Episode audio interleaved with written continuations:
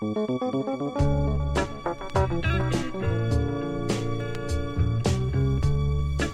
är väl ingen fara. Det är väl ingen, fa- det är väl ingen fara. Men det är väl, det är väl ingen fara. Det sa någon eh, till mig alldeles nyligen när jag, jag berättade om ett beteende som eh, jag har liksom blivit skammad för. Ganska mycket och länge. Alltså ett beteende, jag har varit mig själv, eller nej, jag har jag har hållit tillbaka sidor av mig själv. Eh, för att jag vet att de blir illa omtyckta av vissa. Och eh, ja, men eh, det är massa grejer. Det är hundra sådana saker som jag liksom har täppt till eh, av skam. Och eh, ja, men det, till exempel så handlar det om att jag tycker om att vara eh, förberedd på ett sätt som, men det är klart det är från barndomen, jada, jada, jada. Jag är, vill alltid vara förberedd på att kunna dra. Eh, om allt går åt pipan liksom. Att kunna lämna fort. Som hundarna som vi skulle kunna, eh, de skulle vara beredda på att dra inom en viss tid, bara man befann sig i världen. Och eh, ja, men ibland så kan då mina förberedelser gå eh, ganska långt liksom. De, eh, men jag håller på, pågår. Till exempel med, med bilen som jag sitter i nu, bredvid min lilla Buster som ligger och sover.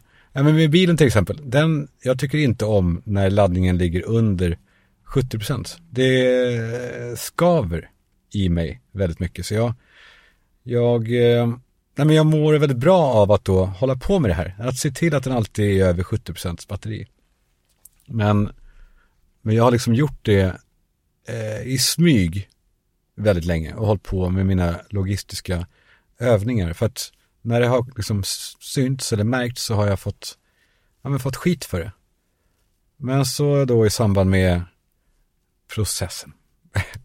när jag har bestämt, nej, nu, nu ska det räcka. Nu ska jag, nej men jag har bestämt då för att, men, eh, vara var sann mot mig själv. Och vara sann mot de som jag verkligen vill ha nära. Så när hon då frågade vad, vad jag gjorde, vad gör du? Så eh, då berättade jag om det här. Och det här, ja, det låter väl säkert larvigt. Um, men för mig var det stort alltså. Att, uh, ja, alltså, det kändes då när jag svarade, för jag visste ju, jag ska ju vara sann, jag vill ju ha henne liksom nära. Men det var som att jag berättade om att jag eh, brukar äta snor typ. Alltså så skamfullt var det. Nu äter jag inte snor, eller det äter snor, det är klart man kanske ibland sörplar i sig en liten rackare. Uh, nej men uh, det är liksom skam. Jag pratar liksom, pratar lågt och så här. Jag, jag bara, jag fixar lite med bilen. Jag fixar med bilen med lite, lite laddning bara och sånt där. Och, jag har satt en till, ja nej men det, ja, Ja, nej men eh, okej. Jag fixar med bilen och laddning. Jag tycker inte om när det är under 70 procent och så därför jag vill kunna dra när som helst. Och hon bara, va? Vad sa du? Va? Va? Och så var jag tvungen att säga, ja, jag vill, för jag vill kunna dra. Jag vill kunna dra. Eller om det smäller i stan, eller vad det nu är. Eh, hon eh, hörde liksom inte. Men till slut så, ja men till slut så bara, men jag vill, ja, så här är jag. Jag har lite dåliga sidor. Till exempel att jag lägger ner mycket tid på att eh, hålla bilen över 70 procent. Där har du det. Du, du, du, skit i mig nu då. Okej, du då. då lämna mig då. Och hon, eh, hon bara svarade, jaha, okej. Okay. Och jag, jag bara, men jag vet att du, eh, det är ohärligt beteende. Jag vet att det inte är manligt och sådär. Jag vet att det inte är coolt. Och hon sa då, det är väl inte så farligt. Och, och jag var, va? Är det inte? Nej men, sa hon då, typ. Alltså om ingen skadas av det och om du mår bra av det, då gör det väl ingenting. Då är det väl inte så farligt. Ja, sa jag. Ja, men okej, okej. Okay. Jag bara ville testa henne. Jag, bara, jag gjorde en prepperlåda igår. sa jag. Det gjorde jag. Ehm. för att se om hon då skulle bara lägga benen på ryggen. Bra, så. Vad, vad, hade, vad har du i den? ja, så berättade jag om det då, då spritköket då, som jag har köpt på eh, eh, Biltema. Och ris och socker tänkte jag det är bra att ha om man eh, får lågt socker och sådär. Ja, tärningar också. Ja, tärningar har jag om det blir tråkigt. Men hon bara, det, här, det var väl bra. Och, och när jag kände det, att det var okej. Okay. Så det här låter skitlarvigt. Men för mig blir det viktigt liksom symboliskt. För att det var, nej men jag började typ, eh, nej jag ska inte säga, alltså jo, vet ni, jag ska vara ärlig mot er också. Jag ska vara sann mot alla. Att eh, jag grät lite efteråt. För att det var så otroligt skönt att vara sig själv och känna att det är okej. Okay, att det går hem. Att man kan bli gillad ändå. Eller, am I right? Eller är jag ensam i det här? Nej men det var, jag vet inte hur många, om det finns statistik på antal som känner som jag. I sånt här, att man går runt och försöker vara en person som passar, eh, som blir omtyckt av andra, som är liksom, eh, att man försöker gå runt och vara en version som går hem. För någonting måste man göra när man inte är en så här snygg snubbe. Jag är inte en snygg snubbe och det är inte så här, jag är inte så snygg. Alltså, jag är inte en snygg snubbe. Det är många av oss som inte är snygga, snygga snubbar. Snygga snubbar. Det är, det är alltså, man ser dem ofta där ute, snygga snubbar och folk bara köper det. De, alltså de, de går hem liksom hos tjejer. Det är ju faktiskt så. De har liksom en, eh, en självklarhet som jag inte har. Som, eh, nej men som gör, alltså det gör att man kan inte ens vara avundsjuk på dem. För det är inte, det är liksom, vi spelar inte samma, samma, liksom, jag menar inte division, det är inte samma sport, det är någonting annat. De är, de är någonting, någonting helt väsensskilt från, eh, från mig och, och oss andra som inte, men som inte eh, kan se oss som snygga snubbar liksom. Och det är inte synd om oss, alltså. Men det är ändå någonting som skaver i att uh, nej men de, liksom, de bara pratar och berättar saker för uh, tjejer då, till exempel. Och uh, jag åt lunch med en kompis uh, idag. Och vi pratade om just det här med snygga snubbar. Det är en kompis som, han hamnade bredvid Håkan Hellström på en flygning och det var liksom så, eh, det var liksom, det var ingen lång flygning, men han ville ändå så här, jag vill ändå göra intryck liksom. Jag vill ändå bolla, jag vill kolla, jag vill eh, känna, jag vill kolla oljan på Håkan. Eh, och så pratade han lite ditt och datt och det var trevligt och det gick hem och han kände, ja, men det här, det här, fan, det är kanske, kanske en ny polare det här, Håkan. Och så, så drog han bara, så frågade han, du, eh, du Håkan, eh, vet du hur man får en eh, bög, bög att bli straight. Och Håkan bara, nej. Ja, man, man smetar in fittan med bajs. Uh, och, och Håkan var nej, det där var, det var det inte min grej, det där var inget kul tycker jag. och min kompis, uh, ah, det repas inte efter det. Det blev ingen efterfest på eh, Ullevi med Håkan och min kompis. Men det är härligt med sådana kompisar ändå som testar, som ser vad som händer. Jag, jag gillar det. Eh, I alla fall, vi åt lunch och så pratade vi om just det här med då, snygga snubbar. Och eh, alltså vi sa det att om man ser bortom sin egen då bitterhet på det, för det finns ju en sån underliggande, så tänker man, ja men, eh, ja, men eh, okej, okej, det, får, det får vara för dem, snygga snubbar, men vi har ju vi har ju andra kvaliteter. Vi, eh, vi, vi är smarta. Ja, det är vi. Vi, kan, vi ser liksom vad, vad de här snygga snubbarna liksom håller på med. Men, eh, men sen är det då frågan om de här snygga snubbarna vet själva vad de håller på med. Eller är de så självklara i sin snygghet att de bara håller på och det bara går hem. Det bara funkar. Det är bara hej, och så bara ah, yeah. Och, uh. ja, men så tänker man vidare då på de här snygga snubbarna. Alltså i någon sorts försvar mot dem. Så, så tänker man att, ja men alltså de tjejer som vill ha då Eh, en snygg snubbe. Alltså i de här klasarna av tjejer som eh, flockas runt de här snygga snubbarna. De här tjejerna vill man ändå inte ha. För om, om hon uppskattar den där idiotin, eller, eller så här, om hon bara, hon vill bara ha en snygg snubbe, då är, då är hon inget bra ändå. Då vill vi inte ha henne heller. vi vill ha smarta tjejer.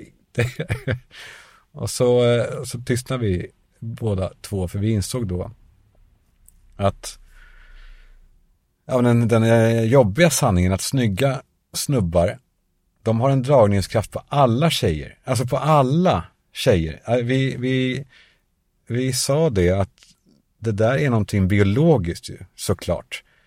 Snygga snubbar vill alla tjejer ligga med, för då får man snygga barn. Och det är alltså, det är rent så här fortplantning som, som står bortom allt annat som är så här, ja men eh, jag gillar dig för att du, eh, du är speciell för mig, du är snäll och smart och kul och, och sådär. Det är ändå, ja men vi ska väl alla då veta det, att även om våra, då, våra tjejer är med oss, så finns de där ute, de snygga snubbarna, de här snubbarna som bara, tja, tja, som är så här oproblematiska, tja, Ja, det är klart vi kan ta glas. Det är alltså, eh, du, äh, läget, fan vad du är fin. oh. Jag har väldigt mycket stora tankar om det här som jag skulle vilja bolla fram framöver. Jag kommer, ja men jag ska göra det. Och ni får gärna bolla med mig här inne på DM och, och allt om, om hela den här grejen med snygga snubbar. För det finns något där som är Mm. Hörni, innan vi går vidare så vill jag alltså med eh, en fas tacka Lassi. Jag mötte dem och, och jag såg att godhet fanns. Eh, eh, Buster, eh, min lilla valp som eh, ligger här bredvid mig i bilen, han är nu toppförsäkrad hos Lassi.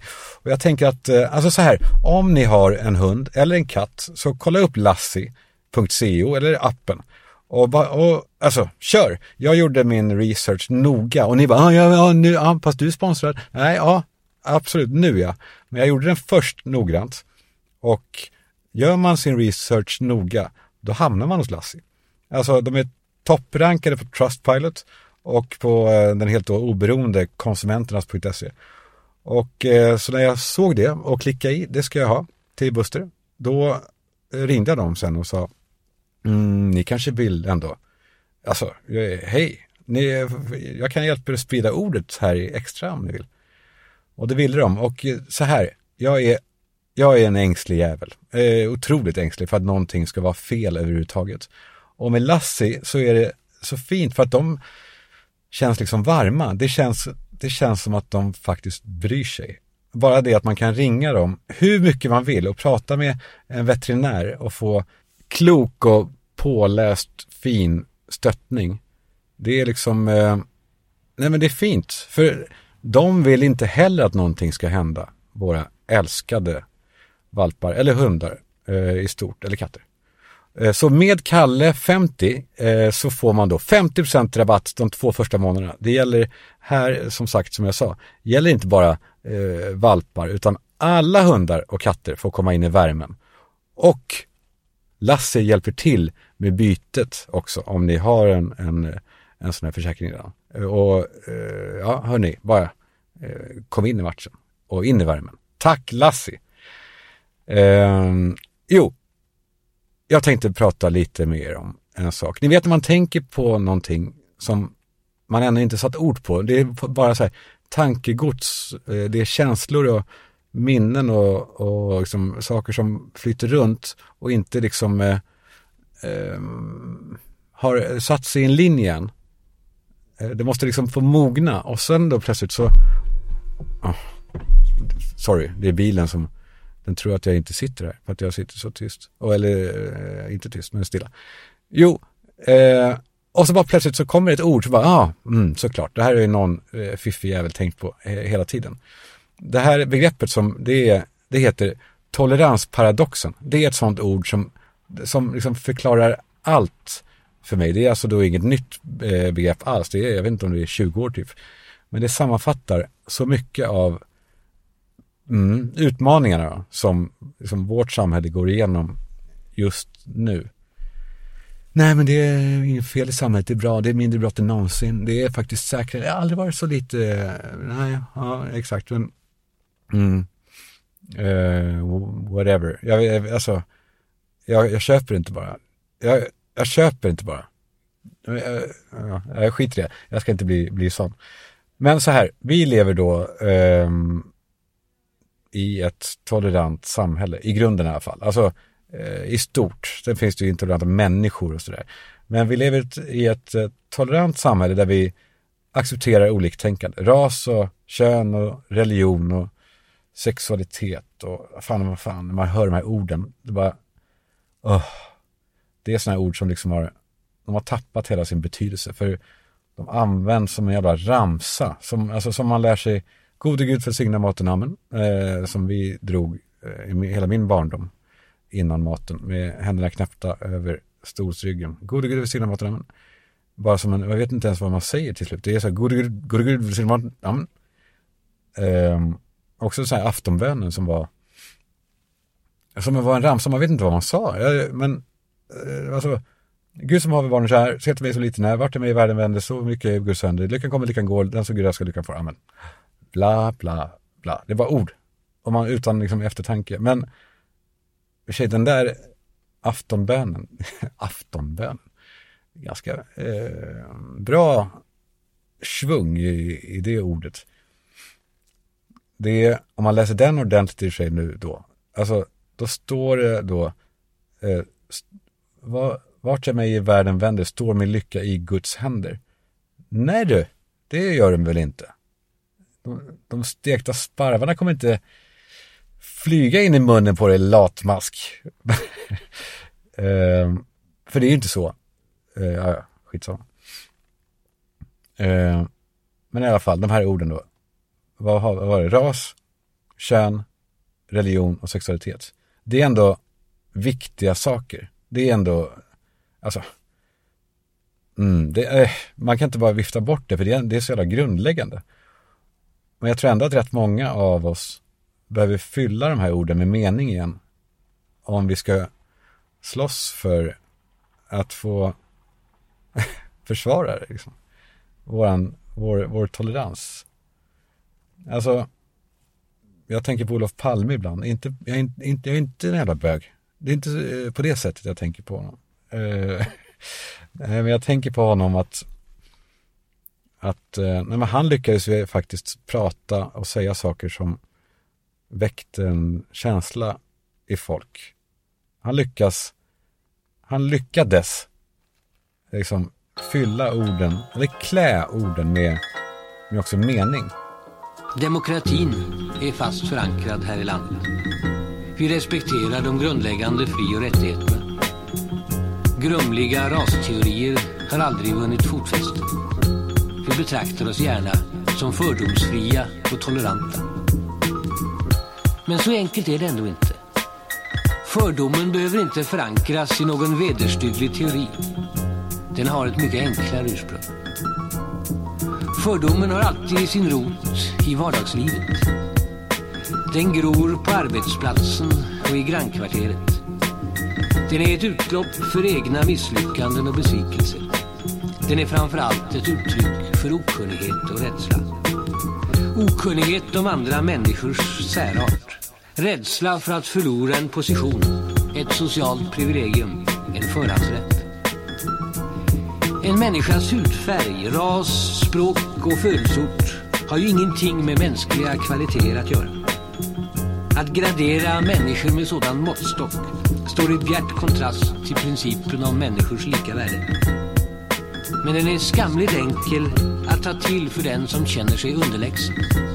På arbetsplatsen, i sällskapslivet, i konkurrensen om flickan eller pojken. Därför ligger fördomen alltid på lur. Även i ett upplyst samhälle. Den kan blåsa ut i ett stickord. En obetänksam replik. En nedrighet i det lilla Kanske menar den som handlar inte så illa. Men för den som träffas kan det riva upp sår som aldrig läks. Okej, så eh, då. Sverige är ett, fan vad den är bra ändå. Det var Latin Kings som hade eh, tonsatt den. Jag vet inte om de har ändrat tempo. Jag vet inte. Eh, eller så bara pratar han i en otrolig takt. En, en, alltså, mm. eh, jo, okej, Sverige är då ett tolerant land i alla fall, i stort. Vi tolererar typ allt. Och vi tolererar till och med intoleranta rörelser. Alltså, typ eh, islamismen. Det är inte något, det är inget, det är ingen debatt ens att islamismen ska, ska bort. Liksom. Det I Sverige så säger vi att de, eh, vi är toleranta, de, de, får, eh, de får vara här och finnas här. Och problemet är bara att det är då en tidsfråga bara innan det här intoleranta tar över. Det är toleransparadoxen som eh, filosofen eh, Popper, Karl Popper heter han, eh, som han lanserade. Och eh, när man undrar liksom, hur långt ska vår tolerans då sträcka sig innan den biter oss i arslet då? För, för hur långt, alltså hur mycket ska man, var går gränsen? När, när går gränsen? Och när man då, när, när det är så, nej men där går gränsen.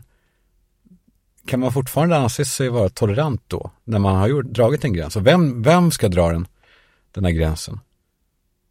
För, jag vet inte, Sverige som land nu tillåter alltså då demonstrationer som, som är så här, vi är för utraderingen av Israel som stat. Um, vi tolererar det. Vi tolererar deras intolerans. För vår kultur är sån. Vi, vi har blivit såna. Men fan, ska vi göra det? Jag tycker inte det. Fast, ja, vilka är vi? Ska vi göra det? Det finns ju faktiskt inte liksom riktigt ett enat Sverige längre. Eh, det finns bara rörelser som, eh, man, jag vet inte, man kanske inte ska gå in på det, rörelser. Men, men rörelser, rörelserna, ni vet vilka jag menar typ, det är ändå ett, det är ett riktigt hot mot demokratin. Rörelserna som drar med sig liksom folkmassor av, av bara farten och som eh, leds av folk som, som mest liksom har känslor och är förbannade och, och jobbar med liksom etablissemanget som, som fiende. Det är de som säger vakna Sverige! Fan egentligen, snacka om gaslighting, att om och om igen bli ombedd liksom att vakna. För att vakna för dem, det är att tycka som dem. Om man inte tycker som dem, då sover man. Det är fan, det är lömskt med rörelser. För att det låter så rimligt. Att man liksom engagerar sig i, i hjärtefrågor. Bara ordet rörelse är ju, ja men något fint. Det är så här, ja men det, det är äkta. Mm, det, det är fint med rörelser. Eh, alltså, det låter så jäkla fint. Det låter unga örnar och fnasiga eksem och mössa på sniskan och massäck. Eh, apelsin massäck så att ingen lyckas undgå att det äts massäck på tåget. I rörelser äter man massäck och man ses på jobbiga tider eh, på dygnet. Och, eh, och det, det är liksom eh, det väcker något så här näpet som att det är något fint. Det framstår som så snällt att de eh, äter apelsin och har mössan på sniskan och ses på jobbiga tider. Det, det är inte så fint. Det är som att ha en räv i köket. Och räven är ju fin och så. Men den kommer, den kommer eh, pågå där inne. Den kommer rota och eh, ha sönder grejer där inne i köket. Så mm, det är kul att titta på den en liten stund. Tills den börjar riva stället. För det som rörelser faktiskt gör, det är, det är ju faktiskt att de sätter riksdagen och liksom, ja, de sätter riksdagen åt sidan. De gör riksdagen sekundär och använder liksom skrämsel och hot för att bli större. De använder liksom, eh, de vädjar till människors vilja att vara en del av en flock till att bli större och mera högljudd och hatisk som gör att ingen till slut vågar säga emot. Om man inte är med dem så är man en del av då etablissemanget. Usch. Fan, jag blir... Jag, jag blir... Eh, ja, jag tycker det är... Nej, jag, blir, jag tycker det är, det är någonting här alltså. Att rörelserna, de urholkar liksom statsskicket till slut. Där borde man egentligen prata med någon om. Eh, om att vi har ju faktiskt en riksdag, det är de, det är den vägen man måste gå. Inte via liksom eldsjälar som, som är hatiska och brinner för sin sak så att ingen liksom orkar eller vågar eh, säga emot eller argumentera emot dem. För, för då blir man eh, en fiende. Jag tror att det är farligt. Jag tycker det är läskigt. Men det är egentligen just en sån här sak som jag ska hålla mig borta från just nu.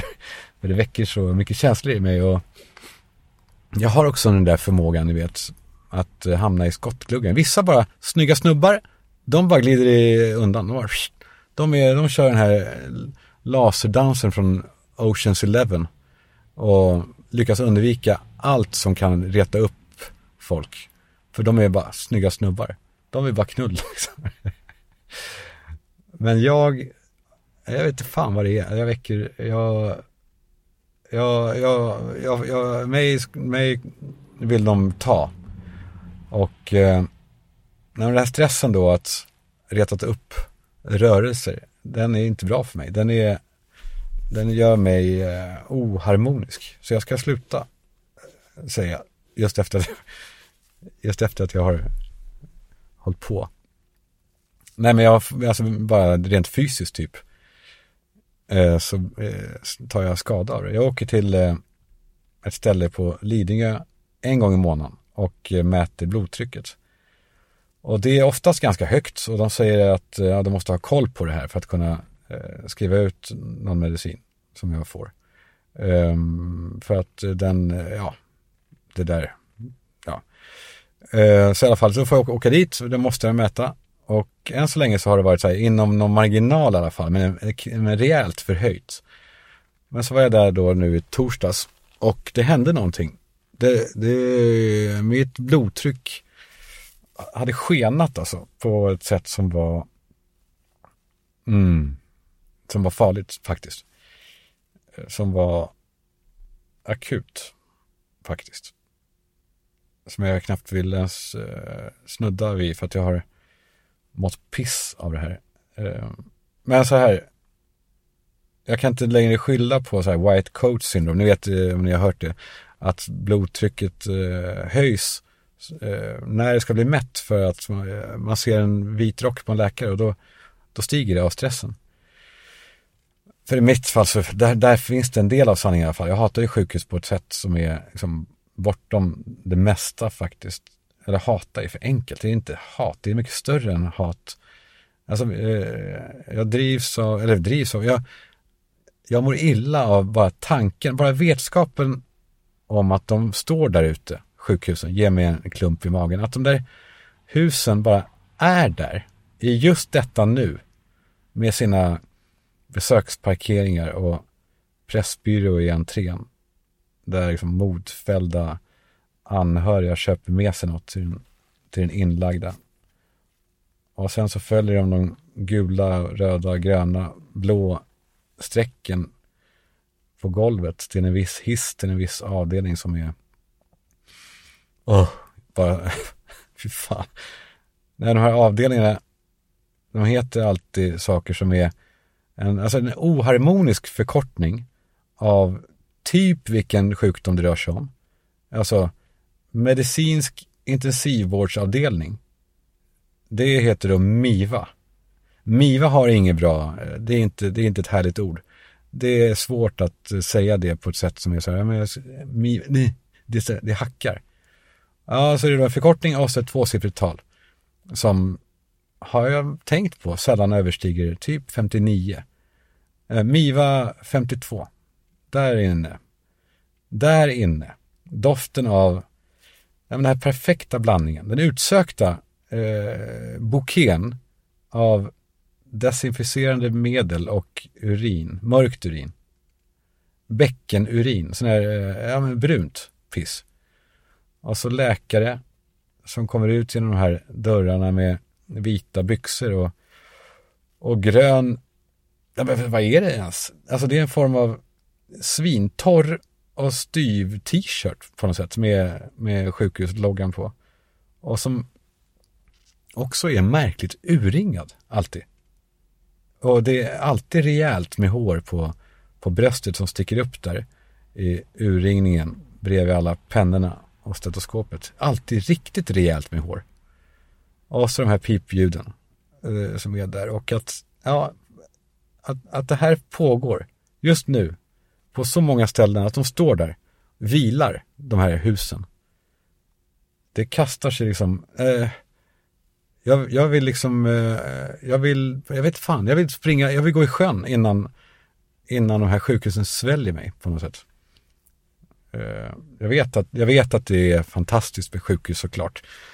Det är, alltså, det är otroligt. Ja, det är gratis. Ja, ja gratis. Det är ändå skatt, skattepengar. Eh, det är inte gratis. Det är ändå intressant med vissa som talar sig varma om den gratis, att vi har gratis sjukvård. Det, den är ju inte det. Det är ju någon som betalar för den. Det är ju vi alla. Ah, eh, Eh, det är fint att det finns såklart, eller fint, det är, det är ju nödvändigt att det finns. Det var det att alla mina upplevelser av sjukhus har varit så, eh, nej men då, ja men vissa har ju varit fruktansvärda såklart, som när mamma och pappa dog och, och så. Men så, så tänker jag så här, men goda, men barnen föds, barnen föds också på sjukhus. De, det är ju, ja, fast de minnena är ljusa trots att de skedde på sjukhus liksom. För att bara att det heter sjukhus. bara, va, alltså, varför kan det inte heta friskhus? Eller något sånt. Nej, nej, det går ju inte. För att det, det är ju förljuget att kalla det för friskhus. Samtidigt som ordet läkare är ju ändå positivt laddat. För han ska läka någon. Han heter ju inte sjukman. Sjuk. Ja, sjuksköterska gör det i och för sig. Men läkaren är ändå, står ändå över. Eller? Eh, nej men alla behövs. Alla behövs. nej, ingen, man behöver inte ranka. Det är, det är inte en one man show. There's no I in team. Är... nej men läkaren ska liksom fixa. Medan sjukhus i grunden utgår från att någonting är fel, eller så här, konstaterar. Ett sjukhus, ett, alltså ett sjukhus är då ett hus som konstaterar snarare än, än strävar mot någonting bättre. Det är som läkehus, det hade det kunnat heta kanske. I alla fall, då var det dags igen i torsdags då för den här eh, blodtrycksmätningen. Och jag tänkte på det hela dagen, som vi alltid gör. Och så gjorde jag allt då för att hålla mig lugn. För att eh, det där blodtrycket skulle hållas nere då. Och, och på vägen dit i bilen så lyssnade jag på valljud för att liksom, ja, så klyschig är jag, kan ni säga. Men jag står för det. Sån är jag.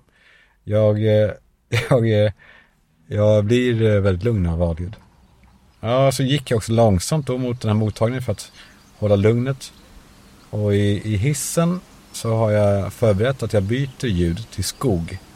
Inget tropiskt jävla pulshöjande liksom, Eh, med, eh, vad heter det, inka-indianskog med eh, farliga djur. Utan, utan svensk ospännande, snäll skog på hög volym. Och jag gick fram till receptionen med det här skogsljudet eh, som överröstar allting. Och jag hörde såklart inte då vad hon sa, men jag visste att det är samma sak varje gång. Och eh, jag gick då in i ett litet rum och fick lägga mig på en brits. Och så kavlade jag upp för att eh, hon skulle kunna sätta på den här manschetten runt min, min överarm. Kavla upp. Jag tänkte på det där när jag låg där på den här mörkgröna galonbritsen. Det är en sån tanke som jag inte liksom har kunnat hålla mig från att tänka på. Men som man absolut inte får prata om. Som man inte ska prata om har vi kommit överens om då antar jag i Sverige. Men det är någonting. Det är något skit med covid och hjärtat. Eh, eh, jag säger inte att det är vaccinets fel. Det kan ju då vara sjukdomen, men något skit är det. För det är så många som har fått alltså sådana här bekymmer som jag har med blodtrycket sedan pandemin. Men det är bort med det. Jag ska, det tänker jag inte på. Tänka. Jag ska inte tänka på det. Jag ska inte, inte, inte, tänka, på, inte tänka på dåligheter. Jag försöker tänka på snällt. Okej, okay. jag ligger då på marken tänker jag och tittar uppåt. Och solen slår mellan liksom, lövverket där uppe. Och alltså, så känner jag, jag blir fuktig av att ligga på marken. Jag hatar att ligga på marken. Jag, det ligger fimpar och skit under mig säkert. Det kliar, kliar liksom konstigt under jeansen när jag ligger på marken. Uh, så jag måste ha något mjukare, tänker jag, när jag ligger där. Och eh, kommer få en hängmatta. Det är väl snällt. Ja, fast liksom äckligt när det svajar också. Jag får ont i ryggen av, av hängmattor. Jag, mm, okay, jag tänker, jag tänker, för snart så ska hon sätta på den här jävla helvetesmaskinen. Jag tänker, jag, jag ligger på en säng. Mm, jag ligger på en säng. Den är helt mjuk och solen slår i löven. Mm, vad det är jobbigt att bära den här skitsängen tillbaka in i huset efteråt. Så bara, nej, jag måste tänka på något befintligt då som jag slipper alla på möblera om i. Som jag slipper ta konsekvenserna av i min, min dagdröm. Så alltså nu måste, det, nu måste det gå snabbt som fan innan de trycker på den där knappen och mätningen drar igång snabbt nu. Okej, okay, okej, fuck, fuck, fuck, fuck, fuck, fuck, fuck, fuck, fuck, okej, okej, okej, okej, just det, pappa tänkte alltid, han tänkte på mig för att bli lugn när han gjorde undersökningar. Berätta, så jag, jag tänker på, jag tänker på mig själv. nej, nej, eh, inte skämta. Nej, inte skämta. Nej, jag ska tänka, jag ska vara lugn puss. Jag tänker på, jag tänker på barnen. Jag tänker på Penny Ja, Tom Allan. Mm, mm. Tom Allan har inte förlåtit mig för att jag slängde hans lego. Åh, den där gången. Fuck, han är fortfarande sur på mig för det. Och då sätter mätningen igång. Fuck, helvete, jag kan inte andas. När den där skiten börjar pressa kardborrebanden är. Åh, på bristningsgränsen och börjar krackelera. Åh, tänker glada tankar nu. För nu ska den snart, nu ska den mäta, nu ska det, snart klart, snart klart. Oh, snart så säger hon att det såg bra ut kanske. Och eh, maskinen pyser ut och jag andas in. Och jag tittar upp och hon tittar på maskinen. Och så tittar hon igen och jag frågar om det eh, ser det bra ut eller? Och hon bara, ja, ska mäta en gång till ska vi göra. Och så trycker de på knappen helt utan förvarning, den jävla subban. Och jag vet nu att det här, nu blir det inte bra, för nu känner jag att det är tryck i hela kroppen. Alltså jag känner blodets eh, svårighet att dra sig igenom de här jävla eh, venerna. Och manschetten kramar musten ur min arm och jag, jag känner faktiskt hur, hur den pressar livet ur mig.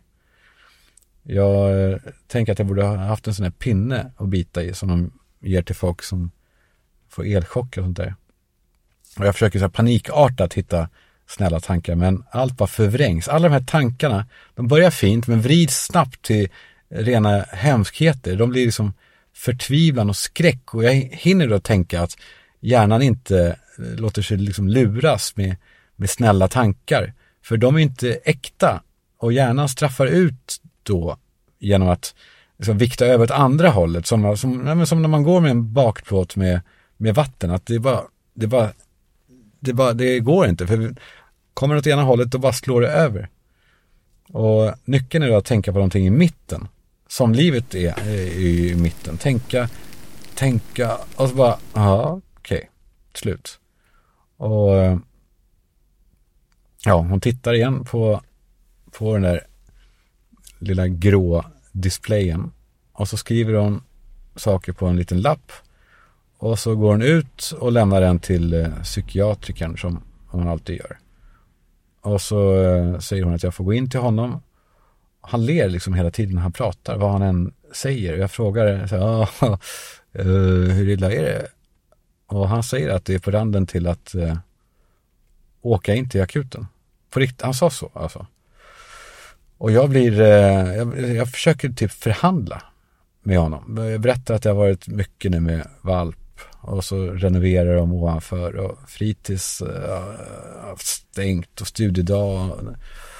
Han lyssnar liksom inte, han lyssnar inte på det där för, för att han är psykiatriker fattar jag, eller tänker jag då efteråt att han skiter i allt sånt där som har med känslor och stress att göra. Det är ointressant för honom. Han bryr sig bara om, om liksom eh, värden. Och eh, det är så jävla slående när man vill berätta om här, anledningar. Han, skit, han, han, han, han är bara ute efter symptom. Ingenting efter liksom, orsaker och så.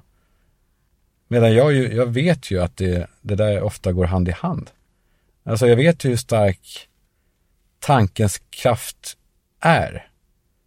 Som det där med glödgad nåltestet. Eh, ni vet. Eh, man har då en, en, en, testperson och så eldar man på en nål och så sätter man den eh, mot personens eh, fing, fingrar. Men just innan man gör det så byter man den i smyg så att han inte ser det till en icke glödgad nål. Och ändå får då personen då ett streck med en brännskada. Om det nu ens är sant. Det kanske bara är en sån här, det kanske är en sån här gammal eh, legend bara. Eh, jag tror i alla fall att tankens kraft är stor. Ja, men han säger åt, det, eh, han säger åt mig att eh, ja, men det här måste vi kolla upp snarast. Eh, och jag behöver inte då åka till akuten direkt, säger han. Men jag ska hålla koll själv. Eh, för att om det ligger på den här nivån Eh, då och då, då måste, då måste jag göra någonting. Och då, ja, men då är det liksom, ja, man nämnde hjärnblödning, att det kan liksom ske. Och när jag kör hem då, så åker jag i tystnad, utan skogsljud och utan att försöka tänka vackra tankar, utan jag bara försöker känna att eh, Nej, vet ni vad? Jag bara känner att eh, det kan ske när som helst. För det kan det. Han sa ju det. Det är ingen eh, bögig långsam cancer som är så här, ja men ta det lugnt, du kan eh, förbereda det här i i lugn och ro och skriva avskedsbrev och ha liksom farewell parties och, och sånt där. Utan, utan det här kan hända på sekunden. Det kan hända när som helst. Och eh, ja, jag messar då till Alex på vägen hem fast man inte får messa och skriva samtidigt. Men jag tänker att det kan ändå hända vad fan som helst. Så jag de och säger att jag har ett eh, jag har ett blodtryck på absoluta toppnivå skriver jag. Som, eh, som att det är någonting bra. Eh, alltså som ett försök att skoja bort någonting allvarligt.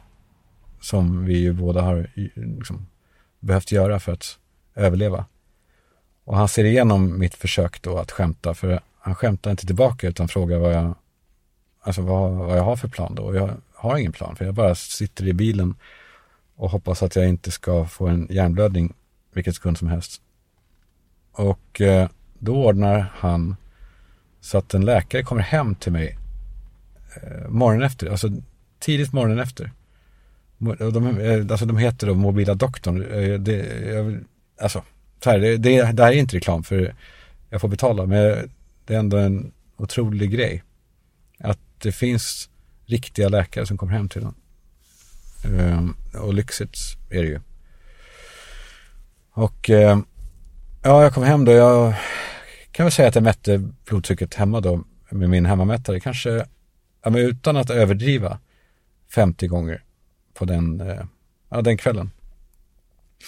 Och jag har liksom aldrig känt döden mer närvarande. Ja, förutom, ja, men, jo, nej, men liksom när man pappa dog och så, ja, men då var det inte mig han var ute efter. Nu känner jag att han, döden är en man.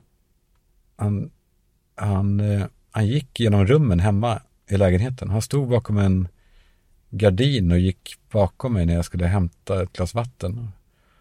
Han stod med örat mot dörren när jag var på toan. Och eh, jag mätte några gånger till och jag somnade till slut eh, med en eh, lugnande tablett och den här blodtrycksmätaren som man sett runt armen och sov oroligt den natten. Eh, och när jag vaknade av Buster som ville gå upp halv sex på morgonen. Det var som att, ja, det var som att livet Eh, att jag kommer klara det här kanske. Att jag fick... ja. uh, uh, jag tror att barnen inte var hemma ändå kan jag känna nu. Doktorn uh, Doktorn kom och gjorde då mätningar och tog allting på ett jäkla allvar och klämde och lyssnade och gjorde någon sorts, eh, jag fick full koll på att det var ingen, det var ingen fara. Jag fick en medicin och en plan. Och, och hon sa att jag kommer inte få en hjärnblödning nu. Det är, ingen, det är lugnt nu. För den här medicinen verkar omedelbart. Ja, sen är det väl så eh, ändå. En sån här vinter lämnar ju inte någon opåverkad. Alltså tio dagars, nej, nu trodde min bil igen att jag inte satt här. Tio dagars smällkyla. Jag var dundersjuk. Fritids då som sagt var, var stängt. Och de bygger nya lägenheter på vinden ovanför. Och 06.30 så kommer kranbilen. Eh, för att eh, de får inte borra så tidigt på morgonen. Så då vill de göra annat då.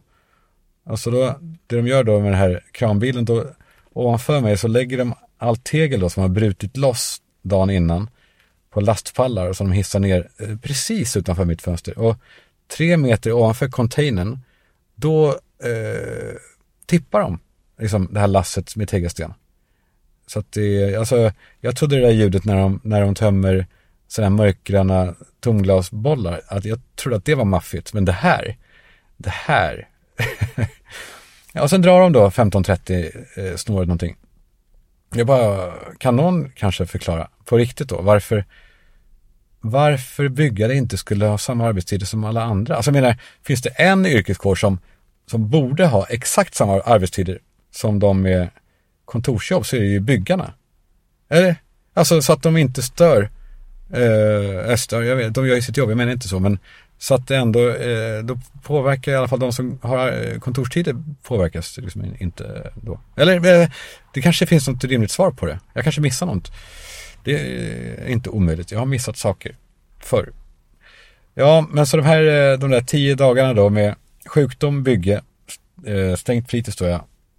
Och ja, och så en hund, en hundvalp. Buster, nu ska jag inte han är, alltså det är världens godaste nyhet. Jag kanske, vi har väl kanske tjatat hål i huvudet på er om vad den här dealen var med Buster. Att vi skulle få hem honom. Men jag måste ändå berätta att det är otroligt det som har hänt nu. För de har alltså nu noll skärmtid. TikTok, Snap, Insta, noll. Ingenting. Eh, så, så ja, när Buster kom och det var otroligt glatt och härligt och vi lekte och, de, och sen ville han sova, Buster. Och, och Tom Allan gick och spelade fotboll med någon kompis. Och så ringde jag honom för att kolla att allt var bra. Ja, nu vet ju, jag är lite, lite neurotisk. Jag ringde och bara kolla, nej, vi har kollat att allt är bra. Ehm, och så hör jag då att det ringde i hans rum. Och han skulle inte ha glömt sin telefon för något i livet i förrgår. Och nu så är den här telefonen eh, helt ointressant för honom. Och jag vill ändå ha koll på honom. Jag vill ju ändå kunna se var han är och sådär, kunna ringa och sådär. Och så kommer jag då på, perfekt, eh, Explora.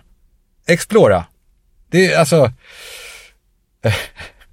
så jag säger nu, i samarbete med Explora, för att jag också ringde dem när jag kom på det. det är, jag vill bara ha sponsorer som är äkta, som är så här, det här, det här använder jag. Så ni vet, och det vet ni. Ja, alltså det, det är rörande allt det här. För att alltså, precis när jag då sen var säker på att Tom Allan efteråt skulle be mig sätta på skärmtiden igen efter det här lilla eh, försöket. Så, alltså, jag blir nästan gråter också. Vad är det med mig? Då sa han, pappa, jag bara, åh nej, nu kommer det. Och så bara, har du sett mina penslar? Och han har börjat måla igen. Han har inte målat på länge. Och eh, nu utan skärm så målar han igen. Och han är så otroligt begåvad, som alla kanske föräldrar tycker. Och Penny tog fram alla eh, oanvända sällskapsspel som vi har. Och hur sjuk jag än var liksom då, jag kunde ju absolut inte tacka nej till, till backgammon med Penny. och hänget med barnen. Att sitta och snacka vid middagen utan att de blir rastlösa och, och, och kolla efter sin satans telefon. Och jag tänker att det finns säkert många som, eh, som avskyr det här lika mycket som jag. Det här stirret i telefonen, det här rastlösa beteendet och ljudet av de här idiotierna som pågår i, i de här telefonerna. Och vi vet ju att det är skadligt och ändå bara låter vi det ske. Ja, för vi är människor. Vi behöver ibland bara som slack. Vi, liksom, vi låter det, vi, vi, vi, vi köper oss ur jobbiga saker med, med skärmen. Eh, men med vetskapen om att det här är inte bra, men min, det här lugnet är värt det. Det är inte det, för att det kan faktiskt slå över och bli någonting härligt av det. Så tack Explora som också löser problemen då som kan uppstå med att men nu eh, vill han inte ha telefonen längre för att det inte finns TikTok. Explora är då en mobil och GPS-klocka som barnen då alltid har på sig. Och så räknar den stegen som de tar och den, man kan då växla in de här stegen mot, alltså det blir poäng som man då kan växla in för att alltså, få grejer på deras sajt. Och man ska säga det också, barn som har en Explora, eh, de går i snitt 2500 steg mer per dag än de som inte har det. Och de lägger mindre, alltså uppenbarligen, mindre tid på skärmar. Så jag vill inte vara Bror Duktig, men ta beslutet ni också. För att det är otroligt det som händer. Fan, jag hör att det, jag låter som en sådär, bli som jag Men det här är faktiskt, det, är, det, det här är viktigt. Eh, och ta då också hjälp av Explora. Explora. Eh, det stavas då Explora eh, utan e innan, utan Explora, explora.se. Eh, ha en sån så har ni också koll på var de är och ni kan ringa dem och det finns skolläge så att eh, skolorna inte har någonting emot den. Tack Explora. Ex make, make the family great again. Ja, eh, hörni, tack för att vi, eh, vi gör det tillsammans. Hör gärna av er med, med snygga snubbar spaningar eller så. Eller så är det bara, mm, nej vi, vi, vi, vi, känner på den. Och hörs igen mycket snart. Um, det, det, är ljusare nu också. Får man säga så utan att bli så här, åh oh, gud, han har ingenting att prata om. Nu vill han bara säga, ha ord i outrot. Nej, jag tycker att man märker det nu. Och allting håller på att bli bra. Jag tycker det är någonting vi ska tänka på. Att utan att låta allt för andlig eller så, men så tycker jag att det finns en tendens till att saker vill bli bra. Här i livet. ja, då... Okej, okay, nej, hörni. Tack. Hej.